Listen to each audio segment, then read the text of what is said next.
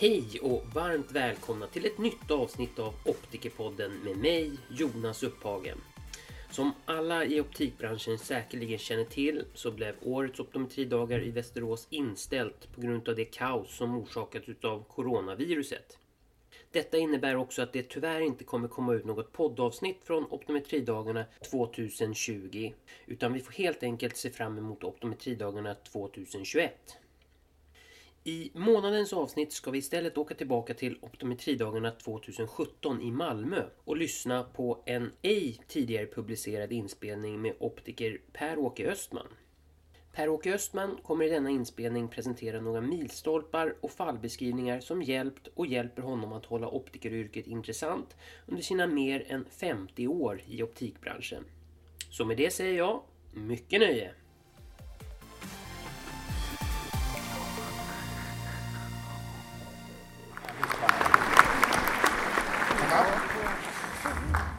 Han är lite gambler. Jag kommer alltså från Las Vegas och ta upp mig att jag ska få prata om mig själv som optiker. Hur intressant kan det vara?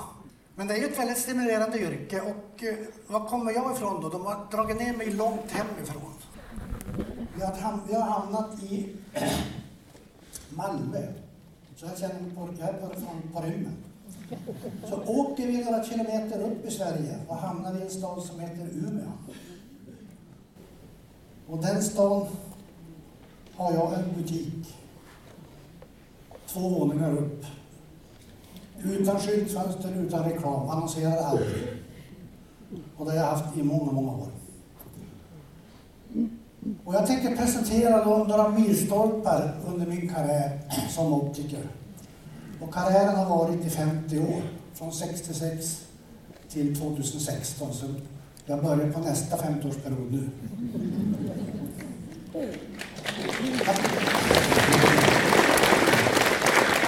Att komma in i yrket, det är ju som att få barn. Va? Det är roligt i början och det blir bara roligare och roligare. Det tar ju aldrig slut med yrkesutvecklingen. Och det finns fortfarande hur mycket som helst att lära sig och utveckla. Allting är fortfarande ogjort. Om man har lite fantasi. Och det gäller alltså att hänga med. Jag började som lärling efter nionde klass. Och det, jag ville bli optiker istället för att sitta och köra lastbil. För det var min, mitt alternativ. Och hur jag kom in i det här, det var, man pryade i åttonde klass. Och jag råkade hamna hos en optiker och jag tyckte inte om det, för jag visste inte vad det var för yrke. Men när jag skulle gå hem sista dagen, då skulle alltså Svante Burman, här ordförande i Optikerförbundet som jag jobbade hos, han frågade om jag hade lust att bli optiker. Då skulle jag få jobb i fyra år med betald utbildning. Och det gnagde i huvudet om man gick i nian. Så vårterminen nionde klass gick jag och frågade om erbjudandet stod fast. Och det gjorde det. Och då började övertalningen på skolan, yrkesvalslärare, att inte gå gymnasiet. Det, det var ingen framtid. Då skulle man inte klara sig här i livet. Men jag hade en klok morbror som sa att hoppa på det där yrket för gymnasiet kan du gå sen om, om det inte fungerar. Så det gjorde jag. Och de här killarna, så här såg man ut i början. Man hade vit rock, slips, och man jobbade på verkstad. Och killen åt det hållet, om ni känner till honom, Jarl Gripenstam, han jobbade i Höganäs, Bengtssons optik. Och så Per-Erik Jeppsson ifrån Vännäs optik. Och så hade jag själv, hade lite problem med frisyren på den här tiden. De var ute och dansade, det var brylkrämtiden. Då använde man pilsner istället för då låg lockarna som de skulle. Eh, första kontaktlinsen kom jag i kontakt med 67 för sonen i huset började tillpassa linser på den tiden. Och har man en närsynt lärling, han får ju ställa upp som, som försökskanin. Och jag åkte längdskidor på den tiden så det var, passade väldigt bra. Men det gjorde ont, Jag rann tårar. För han visste inte heller vad han höll på med riktigt eftersom det var första försök. 69 då fick jag min gesällexamen. Och åren fram till gesällexamen så märkte jag att personer med synproblem var väldigt intressanta. Det kom en blind farbror någon gång då och då och hämtade synhjälpmedel som man delade ut bland de synskadade. För det fanns ju ingen synrehabilitering på den tiden. Och jag tyckte ju synd om de här personerna. Så jag kom i kontakt med det ganska snabbt. Och när man då började få kolla syn på sig själv, äh, själv då, då intresserade jag mig mer för de som hade problem än de som hade lätta synfel. Och gesällexamen var också sån att man fick börja säga du till sin chef. Jag blev inkallad på kontoret att nu får du säga du. Det var ju du-reformen. Några år senare så fick man legitimation. Och det var ju också en spännande kurs. Det var ungefär som att ta studenten förr i tiden.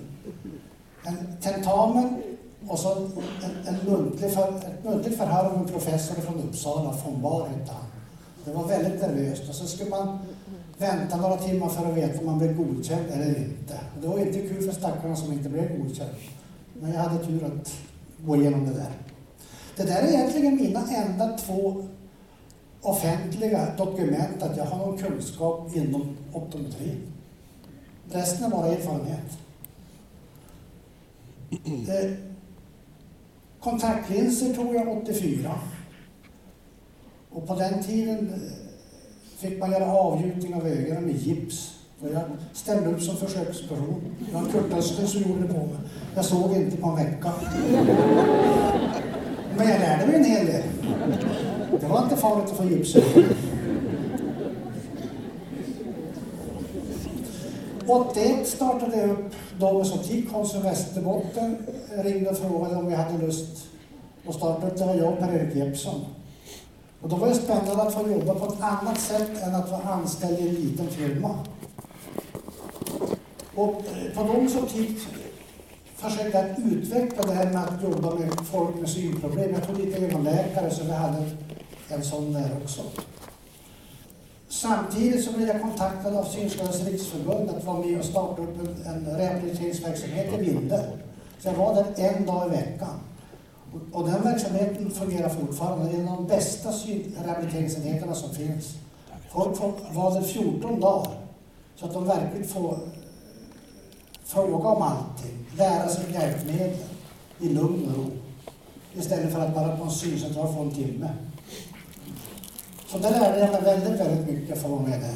Men sen eh, bytte de varuhuschef och då fick vi en ny varuhuschef. Och det enda han funderade på det var pengar. Man skulle inte hjälpa folk med livskvalitet och med syn utan här skulle det säljas glasögon. Då tackade jag för mig. Det, var, det, det tyckte jag var intressant. Så då startade jag faktiskt eget. Och det var 86. Och det gjorde jag tre trappor upp. Målsättning, inte sälja glasögon. Eh, jag skulle bara jobba med kontaktlinstillpassning, optisk synrehabilitering. Och recepten, då fick de köpa glasögon någon annanstans. Och sen tänkte jag att det här kommer säkert att gå ganska bra så jag tar pension vid 55. Så det har blivit ett stort misslyckande nu kanske. Efter 14 dagar fick jag börja ta hem lite bågar. För folk ville köpa glasögon hos mig också. Och på den vägen, när jag visserligen flyttade ner en trappa så är bara två trappor upp nu då. En, en stor milstolpe i min karriär, det var 94. Jag hade en patient med linsluxation. Det vet ni vad det är? Och de hade försökt att transplantera hennes hornhinna på hennes ena öga, lägga en lins på hornhinnan för att öka plusstyrkan. Och då fick hon glaukom och komplikationer så hon blev blind på det ögat. Och så hade vi en Z6-lins, en, en gammaldags mjuk lins på det andra ögat. Och där hade hon torra ögon som fick ju mycket stejning. Så hon fick linsförbud från ögonkliniken. Och den här damen vägrade ju starrglasögon så hon använde linsen i alla fall. Och då beslöt ögonkliniken att skicka ner henne till Lund, till Stenevi, för att göra om en sån här transplantation. Och han fick tag i ett transplantat i Australien. Men läkaren där sa att de håller på med något nytt med skleralienser på Morfield i London. Syregenomsläppt material. Så hon kom hem och berättade det för mig. Men sklerotis, det var länge sedan vi slutade med det. Vi slutade med det på 60-talet. Så jag var inte intresserad, men hon tjatade. Så då ringde jag upp Sven Åström på Nordiska Linds och undrade om han kände till det projektet. Och det gjorde han faktiskt. Så han ringde till en kille som heter Ken Pallan. Och då försökte jag få komma dit och hälsa på honom, men det fick jag inte. Utan han ville komma upp till Umeå. Han hade aldrig sett snö. Så när han kom upp en, en januaridag, det var 20 grader kallt, mycket snö hade vi också, i kostym. Då hämtade på flygplatsen. Det var väldigt konstigt. Så han lärde mig då att tillpassa de här linserna på ett par patienter. Och han föreläste på ögonkliniken. Ögonläkarna var måttligt intresserade av det här. Eh, jag hade dit några optikerkollegor också då. Men patienterna blev ju hellyckliga för att eh, de fick ju se igen. Och de, och de slapp ju kornallinser. Och den här damen som fick de här linserna som drog igång det, hon sa att hon kom hem, så hon, hon var så rädd att tappa linserna. Hon hade dem eh, på bordet vid sängen på natten. Hon hade stått och sett på fåglarna när hon kom hem, för hon hade inte sett på länge. Och hon använder de här linserna fortfarande. Hon lever fortfarande. Eh, då, då jag hade tillpassat de här linserna ett tag, då fick jag ett telefonsamtal från Västerås ögonklinik. De ville komma på studiebesök för de visste att jag höll på. Så Mora Västerås kom på studiebesök och då ringde jag till ögonkliniken igen och frågade om de var intresserade av att komma ner och lyssna. Då kom de nästan allihop. Då var det intressant för då var det konkurrens. Och då fick jag prata om de här linserna på ögonläkarmötet. Så fick jag åka upp till Boden och tillpassa linser på ögonkliniken var 14 dag. För det var ju ett jättestort uppdämt behov det här. Och det var ju nytt för ögonläkarna också. Så jag har alltså varit med hela sklerasutvecklingen från start fram till nu. Då, då jag var första gången i USA, det var 2010 år senare, hade de inte ens börjat. Och så här kunde det se ut ibland. Jag gjorde en avgjutning. Och det är ju inte heller nytt. Det finns moderna metoder för det idag. Och det behöver man inte ens bedöva. Det känns som att stoppa in en mjukdels. Men det blir en väldigt, väldigt fin passform på linsen. Hur många av er har gjort en avgjutning av ögonen? Ingen? Där har vi en, bra. Ja, du är engelsman. ja. Och där kom eh, in i det där och märkte att jag behövde bättre instrumentering. Så då investerade jag i topograf, perimeter och en bra autorefraktor samtidigt. Eh, topografen har brunnit så att den har jag inte kvar just den här versionen. Men jag hade mycket nytta av det för ögonkliniken hade ingen topograf på den tiden så de köpte bilder av mig inför transplantationer. På den. Och autorefraktorn hade en apparatur så den tog väldigt bra bild, eller mätvärden på keratokonus. Vilket oftast inte tidigare autorefraktorer gjorde. Och lägg märke till den här perimetern, den köpte jag alltså 94 i sam samverkan med dåvarande klinikchef på ögonkliniken. alltså det var helt okej okay för mig att skaffa perimeter.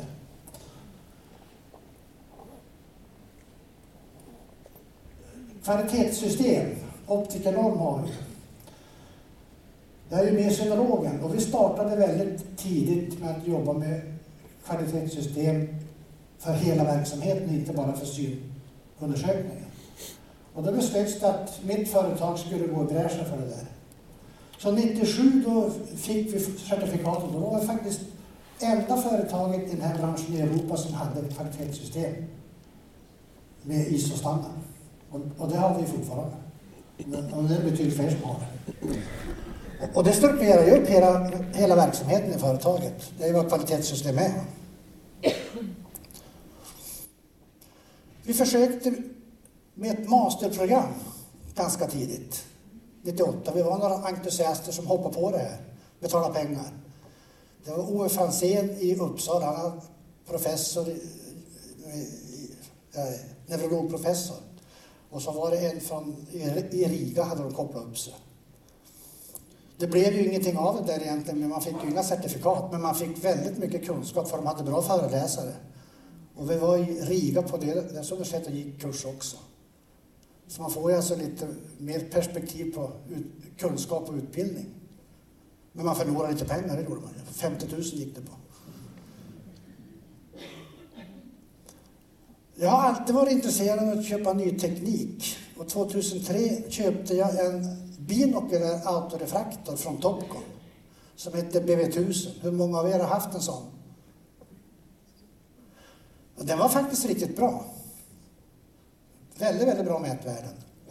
Och det visar sig att BV1000, om man jämför den mot ögonläkare och optiker på repeterbara värden, då vinner autorefraktorn. Man kunde göra refraktioner på vilket språk som helst. Jag hade en japansk utbytesstudent som kom och skulle kolla syn och då frågade jag vill du kolla på hemspråket? De bara skrattade åt mig. Då kopplade jag upp den på japanska. För maskin ställer ju frågorna och svarar med joystick. Men jag har inte kvar den där idag. Men jag hade den i många år. Och då vi gjorde, eh, fick om jobb på glasögonen, då fick man ofta backa tillbaka till mätvärdena som autorefraktorn hade tagit fram.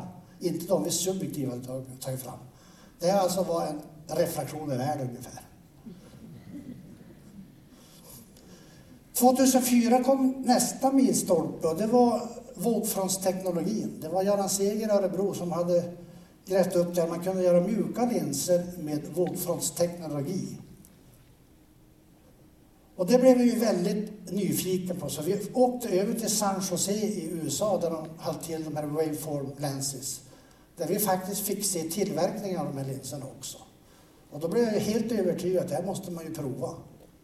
Så då låg jag och Göte Kallens på ett hotellrum och beställde en maskin från Tokyo. Och, och, den har jag haft väldigt mycket nytta av för att man kan, det här är ju i princip en autorefraktor som mäter även synkvalitet. Och jag beställde ganska många vågfrontslinser och vissa blev fantastiskt bra. Och så skulle man beställa nya linser, fungerade inte alls. Så repeterbarheten var ju under all kritik. Men som, som autorefraktor var den jättebra. Och idag är ju vågfrontsmätning nästan en, en standard på alla autorefraktorer. Och eh, vet du, tidningarna nystade upp det där så att det fick en helsida i Aftonbladet. Och, och, det gav väldigt bra marknadsföring för de ringde flera år efteråt de som hade läst den där artikeln. Sen blev jag anmäld till Socialstyrelsen för den här perimetern som jag köpte 94. Nästan tio år senare. Och det var en av mina anställda som hade skickat en remiss till ögonkliniken baserat på perimetervärdet. Det var bara det att patienten gick redan på ögon för eh, kontroll av tryck och glaukom. Så han var ju känd. Och då ringde den läkaren upp mig och ifrågasatte, ska optiker hålla på med sånt här? För vi kommer ju få alldeles för mycket patienter på felaktiga grunder. Och jag var ju inte enig med henne, jag sa det kommer att bli fler som köper perimeter, det kommer att utvecklas. Så då kom vi överens, vi var inte ovänner, utan anmäl mig till Socialstyrelsen så får de bestämma sig för hur, hur det ska bli i framtiden. Och vi fick ett utlåtande. Jag hade ju, tack gode gud då, byggt mitt eget journalprogram. För Socialstyrelsen ville ha ett års remisser och på vilka av dem vi hade baserat remissen på perimeterresultat. Så jag kunde ju söka igen det och jag kunde också söka igen remissvaren och se vilka hade, hade glaukoma så att det var en bra remiss eller inte. Och vilka hade vi skickat med perimeterresultat plus andra fynd. Ögonkliniken hade ingen som helst statistik på att vi hade skickat för mycket remisser. De kunde alltså inte söka det. Och vi fick ju ett svar på, från Socialstyrelsen. Och de tyckte då att eh, optikerbranschen, Optikerförbundet och Ögonläkarföreningen skulle, skulle samtala om hur vi ska kunna samarbeta med varandra om den här nya tekniken som kommer. Det har snart gått, ja, det har gått några år. Jag har inte sett ett enda spår av något sånt sam, samtal. Eller att vi skulle samarbeta med ögonläkarna om den här nya tekniken. Jag tycker det skulle vara rätt intressant att bygga upp en plattform som är gemensam för hur vi ska jobba tillsammans. Socialstyrelsen vill det i alla fall. Sen ska jag köra några fallbeskrivningar från min vardag för att min belöning i jobbet är inte att tjäna pengar. Det har aldrig varit det. Utan det är att hjälpa folk. För det finns inget roligare än att se en nöjd och glad kund. Håller ni med? Eh, ger vi kunden en lösning på ett problem, det påverkar ju inte bara syn, det påverkar hela deras liv. Vi kan börja här med ett ganska enkelt fall i och för sig, men det är ett trauma med aneurysm kom som var väldigt ljuskänslig. Höger öga var emetrop, inga större problem alls. Och det andra ögat så har han ju ingen iris. Och det är klart, han har ingen syn heller som är speciellt bra, men väldigt ljuskänslig och ingen har hjälpt honom. Vi provade att sätta dit en NL72-lins färgad. Man gillade ju inte att hålla på med linser. Han tyckte det var bökigt och så tyckte han inte blev särskilt snygg den heller. Kan ni inte hitta på någon annan lösning? Och vi började prata med varandra med filterglas och så vidare. Och slutgiltiga lösningen blev att jag tillverkade glas med kalvoklipp så man kunde hänga på filtren. Både på glaset och på skarven för att ta bort sidoljuset. Och en sån där lösning gör ju inte ens Multilens. De kan ju inte slipa på kanten, de kan bara slipa framifrån. Så får man vackert göra själv. Men eh, de har ju filtret, ett 450 filter i bas 6-kurva. Så han kan ju hänga på den när han vill och ta bort den här Så han trivs jättebra med den här lösningen. Och den är ju inte krånglig för kunden. Det var lite krångligare för mig att tillverka den. Det andra fallet det är en man född 57. Han ringer och bokar tid. Hade varit hos en kollega i stan som hade sett något konstigt i hans öga. Remitterar upp han till ögonkliniken. Kunde eventuellt vara gråstad, hade de sagt. Och på ögon gick de igenom honom ordentligt med magnetkamera och allt och hittade inga medicinska fel. Och det står pojkstackaren, född 57. Får ingen hjälp. Jättenervös, blir jag blind. Och vi jobbar ju så på mitt företag att assistenterna gör förmätningar innan vi tar in kunden i undersökningsrummet ofta. Så jag har resultatet ganska klart när kunden kommer in. Vi tog alltså en topografibild på höger och vänster öga. Vi ser att det är lite oregelbundet. Och tittar vi noggrannare på bilden så ser ni att den har ganska mycket högre odlingens aberrationer också. Och en liten upphöjning på högerögat och som en brunn på det andra. Så topografen han sa ena ögat misstänkt keratokonus och på det andra att han måste ha genomgått eller refraktiv kirurgi. Då tog jag fram bilder på datorn från Captivate som man kan få från Ensize. Eh, har ni upplever du att du ser ungefär så här. Och det stämde väldigt väl med vad han upplevde också. Då frågade jag, har du gjort refraktiv kirurgi någon gång? Ja, det hade jag nog för 30 år sedan. Av Björn Tengeroth. Men kan det påverka nu? Ja, så det kan det faktiskt göra. För ögat orkar ju inte med inre trycket. Det är ju som du blåser upp en ballong. Där det är lite tunnare gummi någonstans. Poppar ju vävnaden upp. Och det var det som hade hänt för honom. Därför, därför hade han blivit, blivit närsynt ganska snabbt. Så jag fick en refraktion på, eh, som står minus 3 och minus 6. Och han hade utvecklat en väldigt, väldigt bra monovision med det här. Och det var ju lycka egentligen. Och hade första optiken använt ett pinhål så hade han ju aldrig någonsin behövt åka upp till ögonkliniken. Pinhål är ett väldigt bra optiskt hjälpmedel och inte särskilt dyrbart heller. Om man använder det. Så hans korrektion blev minus 3 och minus 3,5 med monovision. Jag hade glaset hemma och jag slipade in det på en kvart. Han köpte tre par glasögon. Och så berättade att han kunde se bättre med kontaktlinser om han vill. Men han vill inte hålla på med linser. Här har alltså vi som optiker orsakat en väldigt stor kostnad för sjukvården fullständigt i onödan. Vi ska kunna lösa kundernas synproblem innan vi skickar en remiss. Vi ska inte skicka en remiss där ögon ska lösa synproblemet. Och, och en sån här oregelbundenhet ska man ju bara hitta. Så jag blir väldigt, blir väldigt förvånad om man missar de här grejerna. Men kunden blev ju nöjd. Här har vi en annan också ganska spännande ärende som är roligt att hjälpa. En med en hjärntumör, han jobbar som chaufför på posten. Och han blev remitterad till mig ifrån ortoptisterna på ögon. Hans problem var att han inte kunde lyfta blicken. Han tittade bara neråt. Och det är ju inte så roligt. Och han fick ju också besked från neurologen att de kunde inte hjälpa honom. Men tumören var ju godartad, så han har, han har kvar den fortfarande. Men de gör ingenting åt den.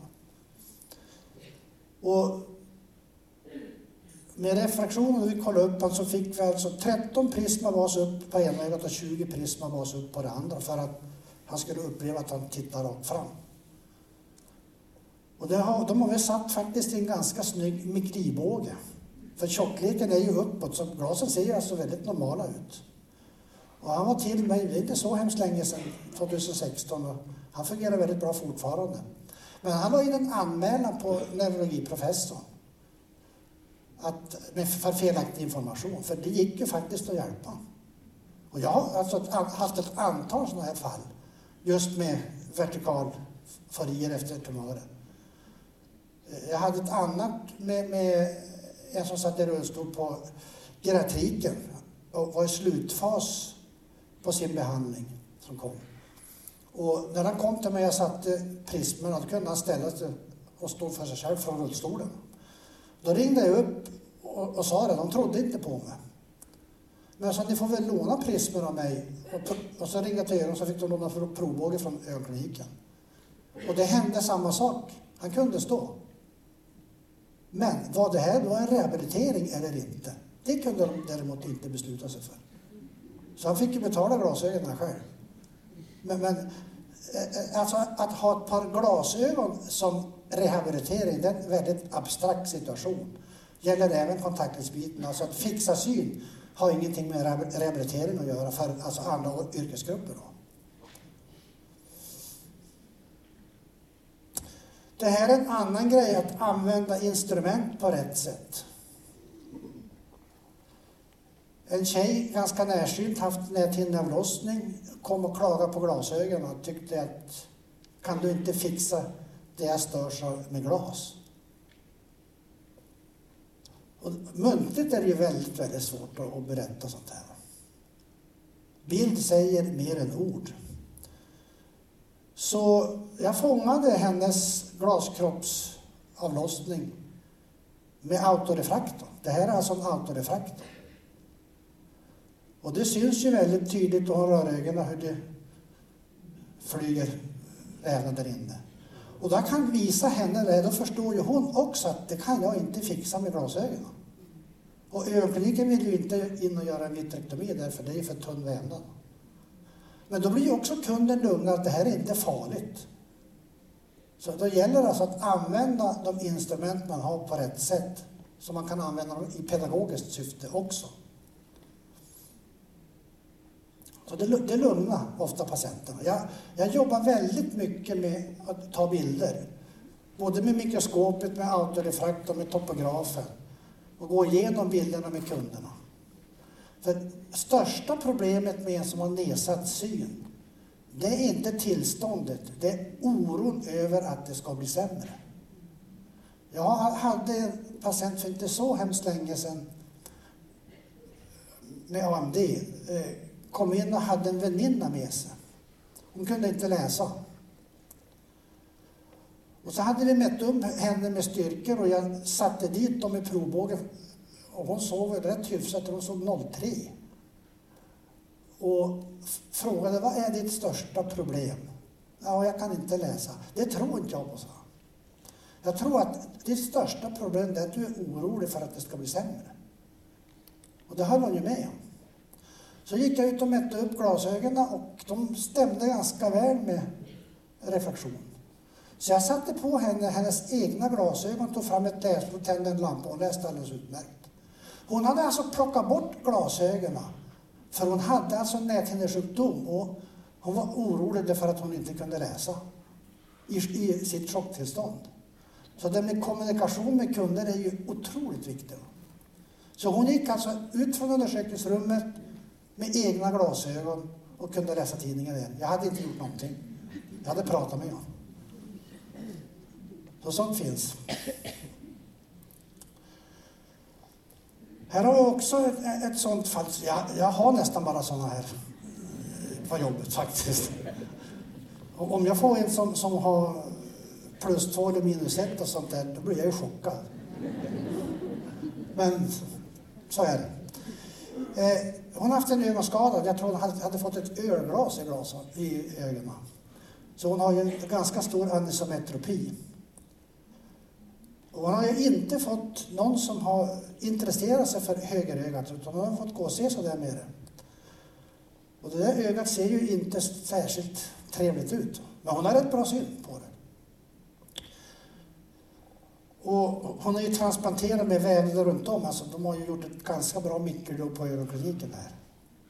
Jag ringde upp till ögon och frågade om man kunde sätta lins på det där utan risk. Att, om de hade någonting emot det. Han sa, prova vi får se vad som händer, sa läkaren. Och det, så är det ju. Händer det något så ser man det ju. Det är bara att ta bort linsen. Så det kan ju aldrig vara farligt att sätta en lins på ett öga. Så jag satte på en sån här minisklerallins på henne. Och ni ser att linsen sitter ju ganska nära kanten. Så jag har beställt en, en lite mindre lins som hon har fått. Och den fungerar alldeles utmärkt. Och nackdelen med linsen nu, hon, blir mindre, hon ser ju bättre men hon blir, och blir mindre torr i ögonen. Men framytan på linsen väter lite för dåligt. Men nu var jag i Las Vegas och fick veta att de med nanoteknologi tagit fram en ny ytbehandling som man kan lägga på linser som gör att de väter mycket bättre. Det finns inte i marknaden än, men de har faktiskt lovat mig att jag ska få beställa någon lins på det. Och det är därför man ska vara ute och ta reda på grejer. Är man inte ute och tar reda på det, då, då hittar man ingenting heller. Och hon är lite irriterad. Varför har ingen kunnat hjälpa mig tidigare? Varför har ingen pratat om det här tidigare? Och det hör jag väldigt, väldigt ofta. Så egentligen, hur många av er jobbar med ert yrke fullt ut, där ni jobbar idag? Räck upp en hand, så ni kan hjälpa alla typer av människor. Det var inte många. För de säger ju idag att vi har optikerbrist i Sverige. Skitsnack, skulle jag vilja säga. Det finns ingen person som söker en optiker som har svårt att hitta en optikerbutik. Vi har för många optikerbutiker i Sverige. Och vi har för få kvalificerade, eller optiker som jobbar kvalificerat i butikerna. Där har vi bristen.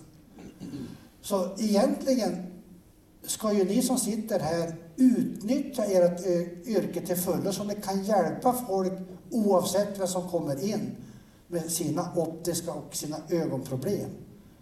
Och de medicinska problemen, de ska ögonläkarna ta hand om, men resten kan vi ta hand om. Ögonbottenfoto har ju blivit väldigt populärt, digitalt ögonbottenfoto. Och jag har också varit väldigt begeistrad över det här för att då har man ju sluppit använda oftalmoskopet. Och man har ju haft kameran med 3D-teknik och sådana saker. Men där har ju också verkligheten gått vidare. Så idag kan man ju använda vidvinkel ögonbottenfoto. Det finns ju optomappen här ute. Du ser ju mycket, mycket mer. Och ser man bara den här lilla centrala delen av ögonbotten missar man ju allt här ute. Det kan ju vara en ruptur där ute som ger näthinneavrossning så småningom. Om du inte ser den, då får de en näthinneavrostning. Den ska man ju skicka för att täta igen. Så vi kan ju alltså förebygga väldigt mycket om vi har instrument som vi kan se efter och om vi engagerar oss för det. Om vi tittar på den här ögonbottenbilden. Den här personen har inte riktigt bra syn. Vad har den för fel och varför? Ja, du kan inte se det ens på en optometbild. Inte säkert. Då måste man gå ner djupare med OCT. Så ser man ju direkt att här har alltså underlaget släppt ifrån näthinnan så att det är en vätskeansamling där. Och kan man visa kunden de här bilderna, då förstår de också själva varför de ser sämre. Varför de får oregelbunden bild och så vidare. Och det gäller inte att använda inte pengarna till att åka utomlands. Använd dem till att köpa instrument som ni kan hjälpa era patienter. Det är jätteroligt. För vi, vi, tittar, vi tittar alltså mer på ekonomi, för ekonomin den kommer i alla fall. Och här, här sitter vi och vi tar ju inte betalt för undersökningarna. Det är klart, då kan man inte köpa instrument. Man måste ta betalt för att finansiera dem. Och folk är beredda att betala, det är inga problem. Så om vi skaffar oss bra utbildning och så använder vi utbildningen till att hjälpa folk med synproblem. Dels så blir jobbet mycket, mycket roligare och så gör vi dessutom en samhällsinsats. Och gör vi en samhällsinsats så kanske vi också blir etablerade i samhället så att politikerna tycker vi gör ett bra jobb och kan, vi kan få lite bidrag med det vi gör också i framtiden. Men som det är idag, fasaden för optiker är att vi säljer glasögon. Och vi håller ju på med ett kollektivt självmord på grund av det, tyvärr. För ju mer lågprisföretag jag får i stan, ju mer jobb får jag. Väldigt intressant. Och det finns tillräckligt många människor med synproblem så att vi kan jobba med de här grejerna.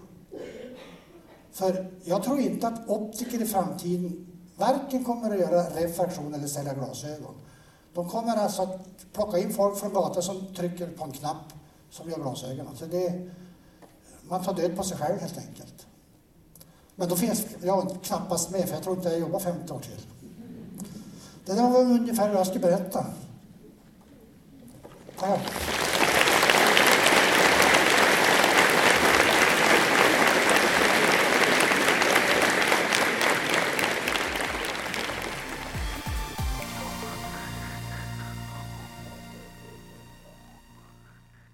Med detta vill jag återigen tacka alla lyssnare som valt att lyssna på Optikerpodden och jag hoppas att ni med detta avsnitt ändå fick en liten dos av optometridagarna även i år. Och sist men inte minst, tack till min samarbetspartner Optikerförbundet som hjälper till i skapandet av Optikerpodden och som håller oss uppdaterade kring riktlinjer och rekommendationer i dessa coronatider. Följ Optikerförbundets hemsida, Facebook-sida eller Instagram för att hålla er uppdaterade om vad som händer i branschen. Vi hörs!